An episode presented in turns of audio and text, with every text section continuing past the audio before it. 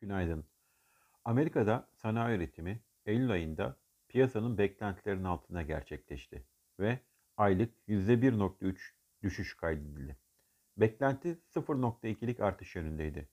Bir diğer önemli nokta Ağustos ayında %0.4 artış gösteren sanayi üretimindeki veri %0.1'lik daralmaya doğru revize edilmesiydi. Bu, üçüncü çeyrek gayri safi yurt içi hasıla büyümesi için beklentileri daha da azaltabilir. Tedarik zinciri üreticilere zarar vermeye devam ediyor. Bununla birlikte müşteriler sıkıntı çekmemek için sipariş miktarlarının arttırması e, talep tarafını güçlü kılıyor. Bu faktör de enflasyon baskılarının yavaş yavaş azalacağının bir göstergesi olabilir. Ee, yine Amerika'da kapasite kullanım oranı Eylül'de 1 puanlık azalışla %75.2'ye geriledi. Bu dönemde kapasite kullanım oranına ilişkin piyasa beklentisi %76,5 olması yönündeydi. Kapasite kullanım oranı Ağustos'ta %76,2 olmuştu. Amerika'da dün Dow hafif düşerken S&P 500 ve Nasdaq yükseldi.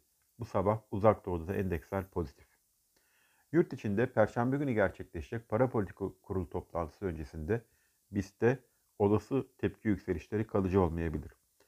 Teknik olarak dün yapmış olduğumuz yorumda bir değişikliğe gitmiyoruz. Endeksin 20 günlük hareketli ortalama seviyesi 1400'de bulunurken mevcut seviyenin destek konumunda kalması ile birlikte 50 günlük hareketli ortalamanın bulunduğu 1428 hedef olabilir demiştik. Şu an için endeks 20 günlük ve 50 günlük hareketli ortalama seviyeleri arasında e, sıkışmış durumda. E, piyasaların olumlu için çeyrek finansallarının fiyatlamaya gitmesi durumunda 50 günlük ortalama seviyesi geçilebilir.